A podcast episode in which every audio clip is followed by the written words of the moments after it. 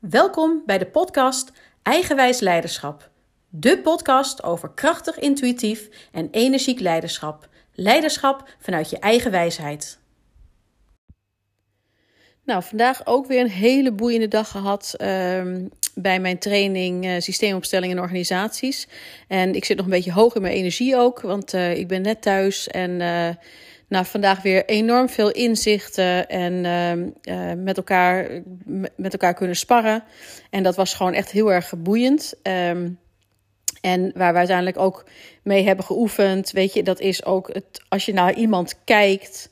Um, in dit geval gaat het natuurlijk over uh, dat we wellicht straks, zeg maar, de mensen die dit, uh, deze training gaan doen, ook uh, systeemopstellingen zouden kunnen gaan geven. Maar of je dat nou wel of niet gaat doen, is het gewoon wel een interessante bril om op te zetten. Want ook op dat je op, op verschillende manieren mensen gaat waarnemen. En uh, zeg maar, het, het, eigenlijk het, uh, dat je, wat je eigenlijk normaal wel doet in gesprekken. Uh, dat je niet alleen luistert naar de woorden, maar dat je ook kijkt inderdaad naar uh, het non-verbale. Dus weet je, wat, uh, wat zie je, wat hoor je, welke mimiek, wat is de beweging die iemand ook maakt met zijn met handen. Um, soms ook met, met voeten of met de rest van zijn lijf, welke intonatie. Nou, daar haal je heel veel uit. maar in dit geval keken we dus ook nog van, goh, en wat, wat ervaar ik zelf in mijn lichaam? Hoe resoneert het? Want soms als iemand een verhaal vertelt, misschien herken je dat wel, dan dan stokt je adem of dan voel je ineens zelf een enorme druk op de borst of uh, je krijgt er buikpijn van. Nou, en ook door dat, dus inderdaad ook later terug te geven aan iemand, God, hoe je dat en dat zei, toen stokte mijn adem. Ook dat soort dingen geeft heel erg veel inzicht. En er was er nog een, een derde manier van waarnemen. Um, en nou ja, dat klinkt misschien als je daar nog niks mee te, mee te maken hebt gehad, wat zweverig. Maar ook inderdaad van, goh, als iemand een verhaal uh, vertelt, wat komt er als het ware ook door iemand heen, wiens, wiens stem praat? En dat kun je je voorstellen dat soms, uh, nou, we hoorden ook het voorbeeld dat uh, iemand die is nog heel erg gefrustreerd en boos, uh, omdat drie jaar geleden is hij ontslagen bij dat en dat bedrijf.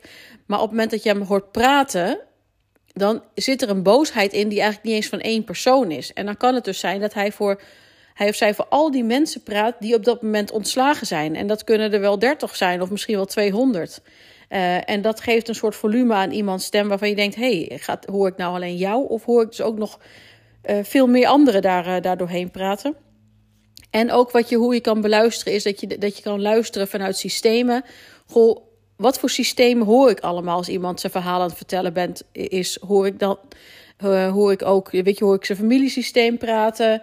Hoor ik zijn organisatiesysteem praten? Gaat het over het systeem van het voetbalteam waar die in zit? Uh, de, de, vriendenkring, uh, het, het, gezin van herkomst. Ook daarin kun je allerlei dingen herleiden op de manier hoe iemand praat. Nou goed, dat was enorm interessant. Dus we hebben daar ook, ehm, dat is ook een van de pijlers, zeg maar, waar het systeem fenomenologisch, ik struikel bijna over het woord, ehm, werk over gaat. Zeg maar, dit gaat heel erg over het stukje systeemenergie en het stukje, uh, dus inderdaad, goh, wat, wat, wat, wat, dat zijn de systemische waarnemingen. Wat, wat, wat heb je nou eigenlijk gemerkt? En uh, stel het is inderdaad eens op, gaat dus, gaat dus visueel maken. En ook het stukje van, goh, wat is dan de werkelijke wereld? Dus dan ga je ook feiten verzamelen en uh, de historie van het bedrijf. Van, goh, waar ligt nou de oorsprong van een bedrijf? Ook dat kan soms ontzettend veel zeggen over hoe het verder loopt in een bedrijf. Als een bedrijf uh, bij wijze van uh, 15 jaar geleden gestart is, um, maar het heeft daarvoor uh, nog een aantal jaren op een, op een andere vorm gestart en er is een zak geld meegekregen met, met een aantal mensen, dan kan dat nog effect hebben op de lange termijn van het bedrijf. En dat zijn van die dingen die, die je dan ergens soort wel voelt, maar ook. Um, nou ja, dat, dat, dat je feitelijk natuurlijk niks meer ziet daarvan. Maar soms door dat soort dingen te ontrafelen en te erkennen dat het inderdaad wel meespeelt in, de, in het bedrijf zoals hij er nu is, nou ja, kun je, kun je dat uh, nou ja, een soort uh, wegnemen. En daardoor kan het weer luchtiger zijn op het moment van nu. En um, nou ja, we hebben ook. Uh, nou, dit is inderdaad, die, die oorsprong in historie, dat is ook inderdaad wel een heel interessant fenomeen. En um, als ik dan zie bijvoorbeeld inderdaad bij uh, bedrijf waar ik nu ook wel veel kom, dan zie je ook dat daar een historie zit van allerlei bedrijven um, die samengevoegd zijn tot één bedrijf. En het kan dus zijn dat de mensen die, in, die in, tegenwoordig in het bedrijf zitten, nog allerlei stukjes meedragen van die oude bedrijven. En dat er bijvoorbeeld ooit een manager heeft gezeten die uh, heel vervelend heeft gedaan. Um, of uh, een, een, andere leidinggevende die heel raar weggegaan is. Of je, je bent nog ergens, ben je nog wat trouw aan die andere organisatie. Je hebt dat nog niet helemaal losgelaten. Je moet er nog op een bepaalde manier afscheid van nemen. Al dat soort dingen kunnen spelen in waarom een team op dit moment nog geen, uh, geen team kan zijn. En, um, uh, en wat ook wel interessant was vandaag, we hebben een, uh, ook een, een, opstelling gedaan, een organisatieopstelling. Um, en wat je zag dat ook ordening vaak wel heel erg belangrijk is. En dat je als persoon dus ook heel makkelijk toegetrokken kan worden naar een bepaalde plek in het systeem wat eigenlijk helemaal niet jouw plek is. En in dit geval ging het over een dame en die werd die ging onbewust steeds op de plek van het afdelingshoofd staan terwijl zij teamleider was. Uh, maar dat was een appel wat het afdelingshoofd eigenlijk ook steeds op haar deed. En een, uh, een plek eigenlijk in een systeem wat zij ook vanuit historie heel goed kende.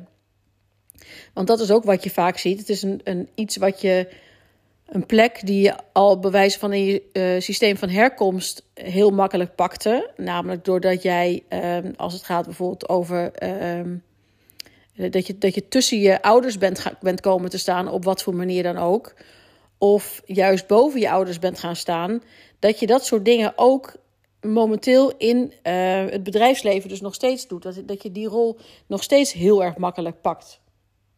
Doordat je dus inderdaad op de plek van het afdelingshoofd ging staan in dit geval.